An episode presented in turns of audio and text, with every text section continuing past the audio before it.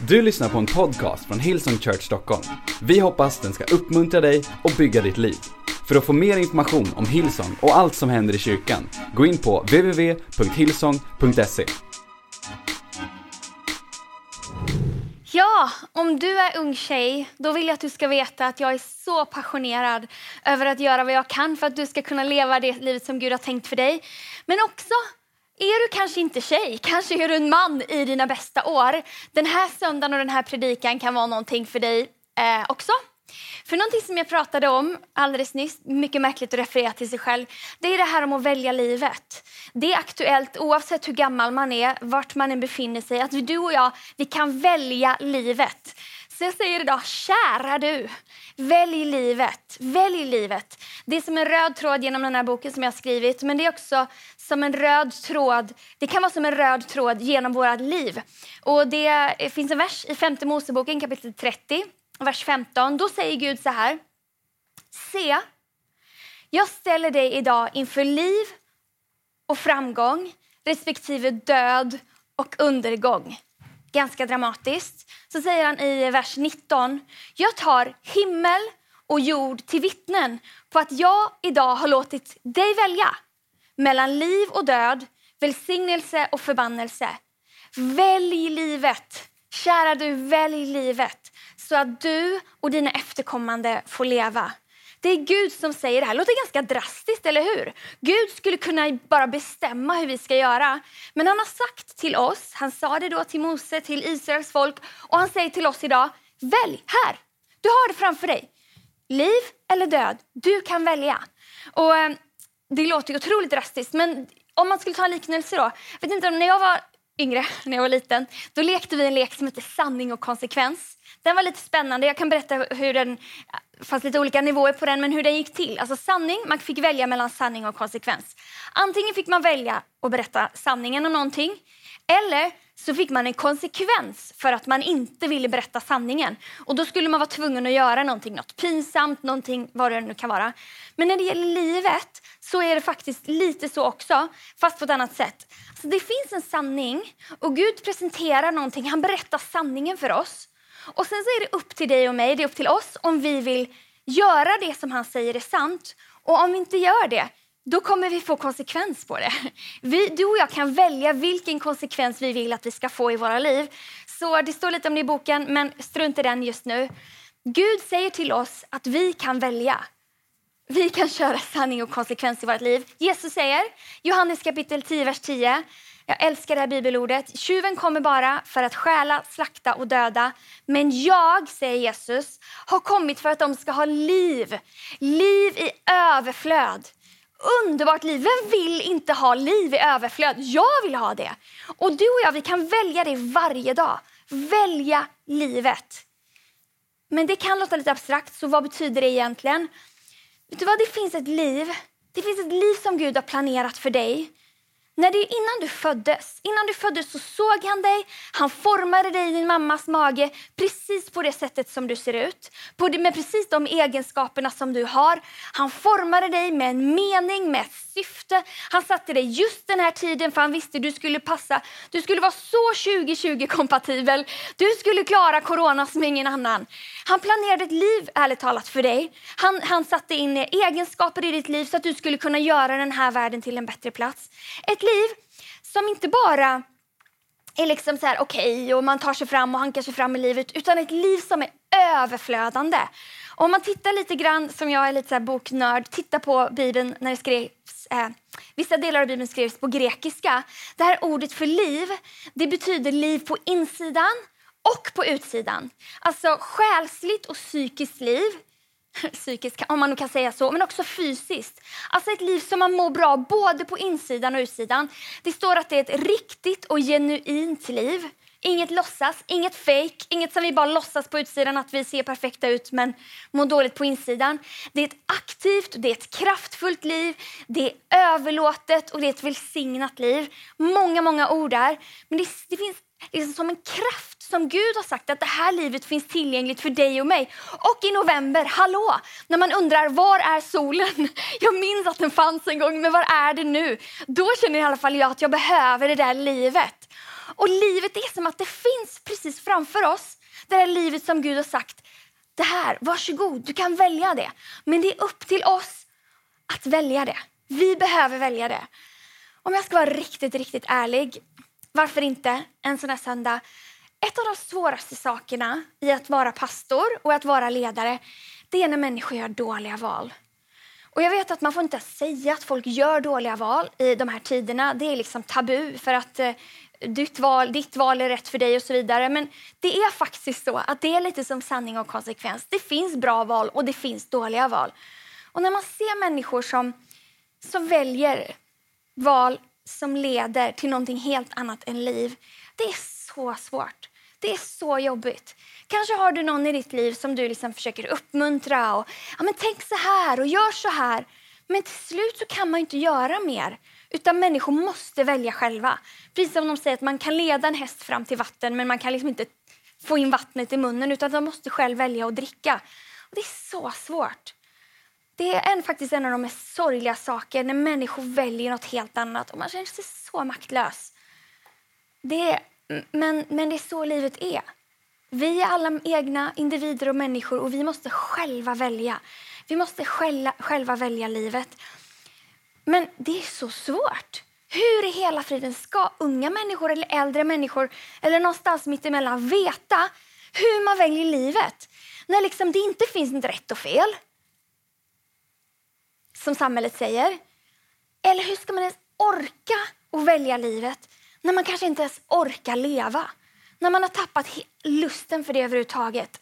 Eller hur ska man ens kunna välja livet när man inte vet vad som är bra? Det är ju hur svårt som helst. Men Gud han har gett oss olika... Han, I hans ord så säger han massa saker. Bibeln, alltså, det är en skatt. Så om vi bara öppnar den så skulle vi så, få så mycket mer svar. Men jag tänkte bara nämna tre saker som, som kan hjälpa oss att välja livet i livet. Så en av de första sakerna är mina vänner. Mina vänner. Ibland pratar vi om friends of our destiny eller framtidsvänner. Alltså vänner som inte bara liksom vill hänga lite nu utan som ser till min framtid och vill min framtids bästa. Alltså vill att det ska gå bra för mig i livet, inte bara nu utan också i framtiden. Som vill liksom att jag ska få gå mot livet, som vill att jag ska göra bra val, som bryr sig om hur, hur det går för mig. Och Det finns ett uttryck som säger man blir som man umgås. Och det är verkligen sant. Jag har lärt mig prata så otroligt mycket fortare tack vare de som jag har i mitt liv. bland annat. Men det är verkligen så att man blir som man umgås. Och jag behöver människor i mitt liv som talar liv in i mig. Som säger du kan göra det. Kom igen, du klarar det här. Jag tror på dig. Och människor som vill springa det här loppet bredvid mig. För att man liksom springer, billigt talat, ibland springer man, åt samma håll. Man klarar, man liksom klarar mer när man springer tillsammans. Och Det står i Ordspråksboken kapitel 13, vers 20. Den som umgås med visa blir vis, men för den som stå, slår följe med dårar går det illa. Aj, aj. Det är faktiskt så att man blir som man umgås. Men nu, hur i hela friden kan man umgås med folk ens när det är de här tiderna? När, när, när statsministern säger gå inte på gym, gå inte till biblioteket. Hur i hela friden? När man kanske umgås bara med dem som är i din egen familj. Men om man inte har en familj ens? Om man jobbar hemma, man sitter hemma framför sina Zoom-möten, man inte har en familj, man önskar sig det, man kanske redan känner sig ensam. Hur kan man välja livet i den här situationen? Vet du, innan corona började så var det fyra av tio svenskar som uttryckte att de kände ensamhet på något sätt innan corona började. Och nu när vi, många är mycket mer isolerade än de varit tidigare så kan jag inte tänka mig att siffrorna har sjunkit. Men jag tror att det finns. Jag tror att vi kan investera in i vänskaper även nu. Vi kan välja livet. Vi kan välja det för oss själva och vi kan välja det för andra. Man kan behöva kanske rensa ut vissa röster som bara drar ner en. Som gör att man bara känner jag orkar inte mer. Kanske att man behöver liksom sålla ut de där tidpunkterna när man hörs med den där personen kanske. Eller bara investera in i vänskaper som gör att man blir en bättre person. Investera in i vänskaper, nya vänskaper. Man kan ju faktiskt skriva till någon. Sociala medier får ibland mycket, mycket påhopp. Men man kan skriva till någon där. Man behöver inte bara scrolla. Utan man kan skriva en liten kommentar där, ta kontakt med någon, Facetime-fika med någon. Det har jag gjort jättemycket senaste. Facetime-kaffe, hur bra som helst. Eh, starta en frukostklubb på Zoom. Gör någonting. För din skull kanske, men kanske också för någon annans skull. Och för oss som kyrka, tänk inte bara ah, just det, jag måste ju bara umgås med dem som är exakt, har exakt två barn som vi har och, och så vidare. Tänk på någon annan. Försök att räcka ut din hand för någon annans skull. För du kanske har framtidsvänner. Du kanske har vänner som fyller dig och hjälper dig mot att välja livet. Men det kanske finns andra som inte har det. Så jag tror att vi som kyrka i den här säsongen, det finns ett större behov än någonsin för människor att ha riktiga vänskaper. Att ha vänner som verkligen talar liv och talar, eh, uppmuntrar och allt det här. Så vi kan göra det allihopa. Men det som kanske hindrar oss från att göra det, det är ju förmodligen rädsla. Jag vet inte om du har vågat vara med ens på våra foajéer, eh, de här äh, Zoom-foajéerna, för du kanske tycker att det är, åh nej, jag känner mig så utelämnad när jag sitter här framför framför Zoom-skärmen. Vet du vad? Du kan stänga av din bild. Det är helt fine. Bara kom med. Var med oss. Titta om du hellre vill göra det. Jag vet att det är ett, ett stort steg för vissa om du har liksom varit socialt isolerad ett tag. Men låt inte rädslan hindra dig från att välja livet. Okej? Okay? Så vi, våra vänner, mina vänner, vilka jag har i mitt liv kan, välja, välja, kan hjälpa mig att välja livet. Men också min källa. Och jag vet att när jag säger min källa, då förlorar liksom eh, alla tonåringar, för ni vet inte ens vad en källa är. Det är inte källkritik jag pratar om, det är det ni känner till. Alla dessa källkritikslistor man ska göra för skolan. Ja, jag håller på med det precis lika mycket. Men min källa, det är någonting som fyller på. Ehm, Ofta är det en källa där vattnet rinner ut ifrån, där det börjar liksom. Och det finns så mycket som fyller oss som kan fylla oss i livet. Så jag har med mig lite grejer här. Jag tycker om att ha saker eh, för att visa en bild. Det finns otroligt mycket i livet som vill visa oss som vill fylla oss. Det kan vara nyheterna som får oss att känna oss lite sådär. Det kan få vara en kompis, eller det kan vara Instagram som kanske gör oss glada men kanske inte så uppfyllda. Det kan vara statsministern som gör oss rädda. Det kan vara att det går jobbigt på företaget, jag ska skynda på här lite. Det kan vara press från skolan. Det kan vara ungarna som man måste vabba för igen. Det det kan vara när man tittar in i spegeln och känner ja, man inte kanske tycker om vad man ser. Det kan vara lärare som säger du håller inte måttet, du måste kämpa mer. Det kan vara blickar som någon ger en. Vet man att en blick kan säga mer än ord. Det kan vara det vardagliga, tvätten och allt vad det är man inte orkar med. Det kan vara ett jätte, en jättetuff familjemiljö. Kanske har du en jättetuff familjemiljö och det här att vara isolerad, det är så jobbigt för dig. Jag vill bara säga att du är inte ensam. Du är inte ensam, utan Gud är med dig. Vart, precis som Andreas sa, han är allestädes närvarande. Han är överallt och han är hos dig också. Kanske har du bara tufft på jobbet, kanske har, lyssnar du på skitsnack eller så är det bara allmänt prat. Ni förstår poängen. Det här är vi och det är så mycket som kan fylla oss. Och jag vet förr var det så här, när vi hade söndagar när vi kunde gå fysiskt till en kyrkobyggnad, till Guds hus fysiskt. Då visste vi, bara jag tar mig över tröskeln, över tröskeln på Danska vägen kanske, eller Cederströms slinga i norr om Stockholm, Stockholm eller i city visste vi inte alltid vart vi var någonstans, men vi visste någonstans om vi tittade på sociala medier eller hörde det någonstans av någon kompis. Vi visste att om vi bara tog oss till kyrkan, vi kunde bråka på vägen, kanske, kanske ni, inte vi såklart, liksom man, man tog sig förbi alla möjliga kriser, regn och rusk, allt möjligt. Visste jag bara, bara jag får stå i kyrkan, bara jag får stå i lovsången, så visste jag att i lovsången så skulle allt det där rinna av. Det, skulle bara, det är som att bara jag får vara där. Du kanske inte ens orkade lovsjunga. Det var som att, eh, som att Gud fyllde på. Och när Gud fyller på, när Gud får vara vår källa, helt automatiskt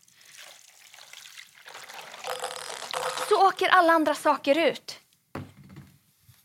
Man bara tog sig till kyrkan. Ja, ni förstår poängen. När du och jag fyller oss med rätt saker, när vi har Gud som vår källa, när vi fyller oss, när vi är i lovsången. Vi kan fortfarande göra det. Jag vet det är awkward, du sitter i din soffa, kanske har du liksom sovfrisyr fortfarande. Kanske springer du ut, åh oh, nu börjar lovsången, då ska jag hämta en kopp kaffe. Eller just det, oh, nu är det kollekt, nu kan jag gå på toaletten. Nej, inte du va? Vara någon annan. Men det är så lätt att man liksom är med i kyrkan och scrollar på telefonen samtidigt kanske.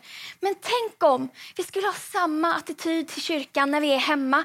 Jag vet det är lite awkward, man kanske får dra igen persiennerna, man kanske bara får säga höj volymen hörru, så att du inte hör vad jag sjunger här. Men tänk om vi bara skulle ställa oss och ha det som en källa. Att söndagarna var den dagen när vi återigen fyllde på. För vet du vad? Det finns två saker som förändrar, som förvandlar oss från insidan och ut. Det är Guds närvaro och det är Guds ord. Det förvandlar oss. Och Det står i eh, Matteus kapitel 4, vers 4. Jesus säger det själv. Jesus svarade, det står skrivet. Människan lever inte bara av bröd, utan av alla de ord som utgår ur Guds mun. Vi behöver se till och bestämma oss för vad som är vår källa.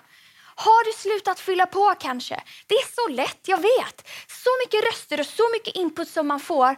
Men om man har en rutin av att på söndagar, då fyller jag på. Varje morgon kanske, då fyller jag på.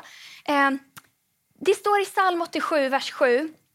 Under sång och dans, det är sånt vi håller på med på söndagarna, ska man säga alla mina källor har jag i dig. Du och jag kan välja om Gud ska vara vår källa eller inte. Och om jag ska vara lite ärlig, jag har redan varit ärlig här idag, jag kan lika gärna fortsätta. Så jag kan märka det ibland på människor som inte har varit i kyrkan på ett tag. Och det här säger jag bara av kärlek. Och du vet, min titel var Kära du, väljer livet. Det är inga pekpinnar eller någonting, men det märks när man är för fylld av oro. All vardagen liksom har börjat tynga.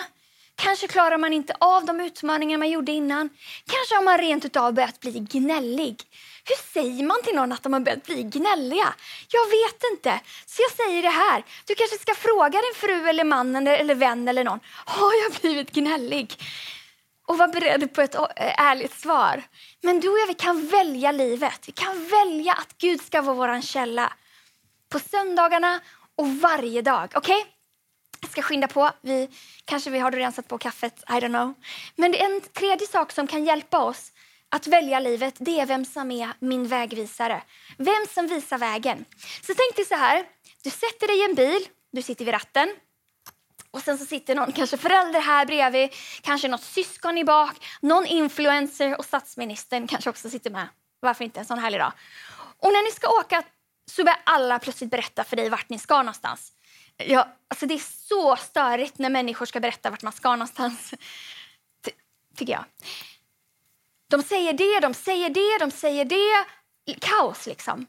Enda sättet för mig att kunna blocka av de där rösterna är att redan från början, innan de klev in i bilen, ha satt på GPSen och ställt in vart jag ska någonstans. Och nu hoppas jag att du fattar att det här handlar inte om en bilresa in till stan, utan det här handlar om våra liv. Du och jag kan välja att lyssna in Gud, för han vet vart vi ska. Han har kallat oss, planerat livet för oss. Lyssna in honom, låta honom vara vår vägvisare. Höja volymen kanske lite, och lyssna på den rösten. Ibland är det som att lyssna, att leva ett liv liksom där alla har så megafoner.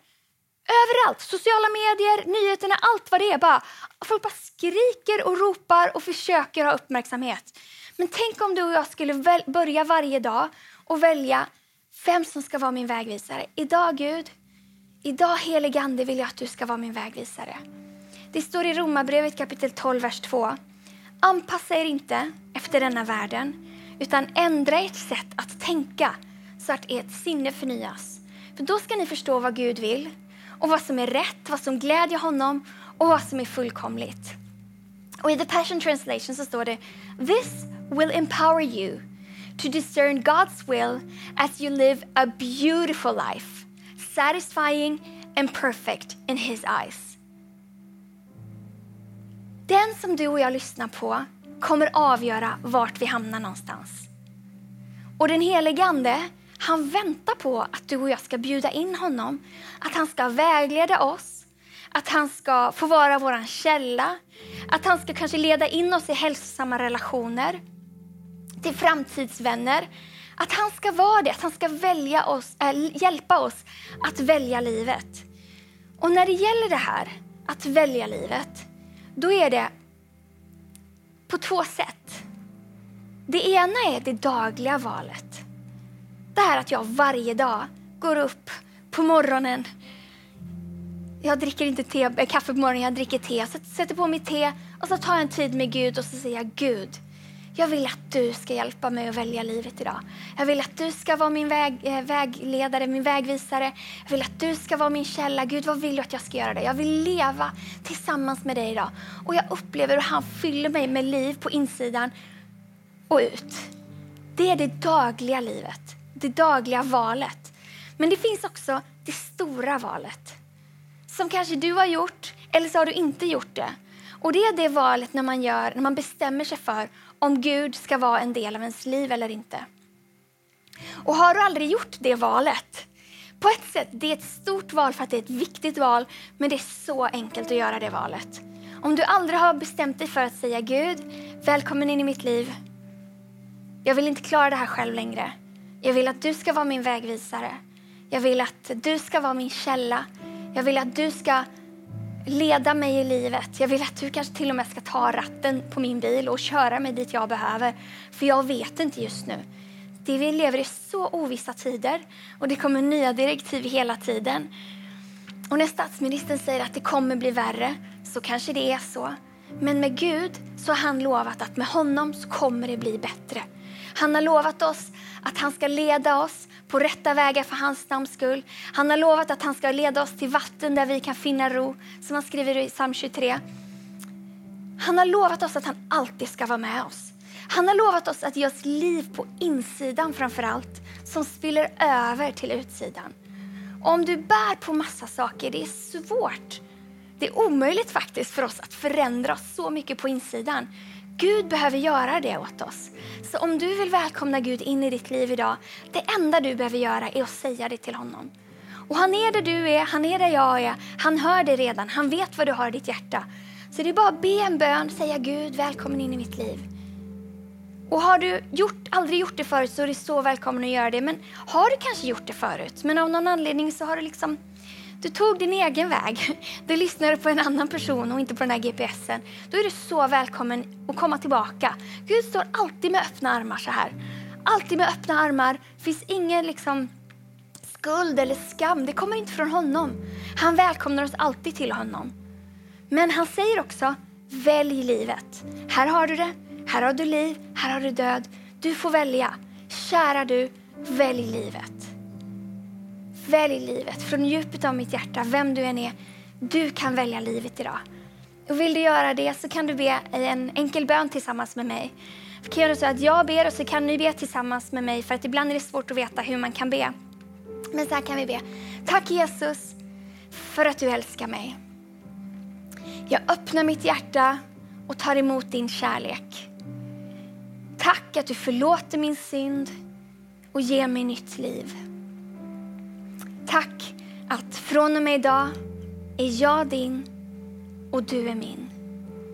Tack Jesus att ingenting kan skilja mig från din kärlek. I Jesu namn. Amen. Du har lyssnat till en podcast från Hillsong Church Stockholm. Om du vill veta mer om vår kyrka eller om våra söndagsmöten, surfa in på www.hillsong.se.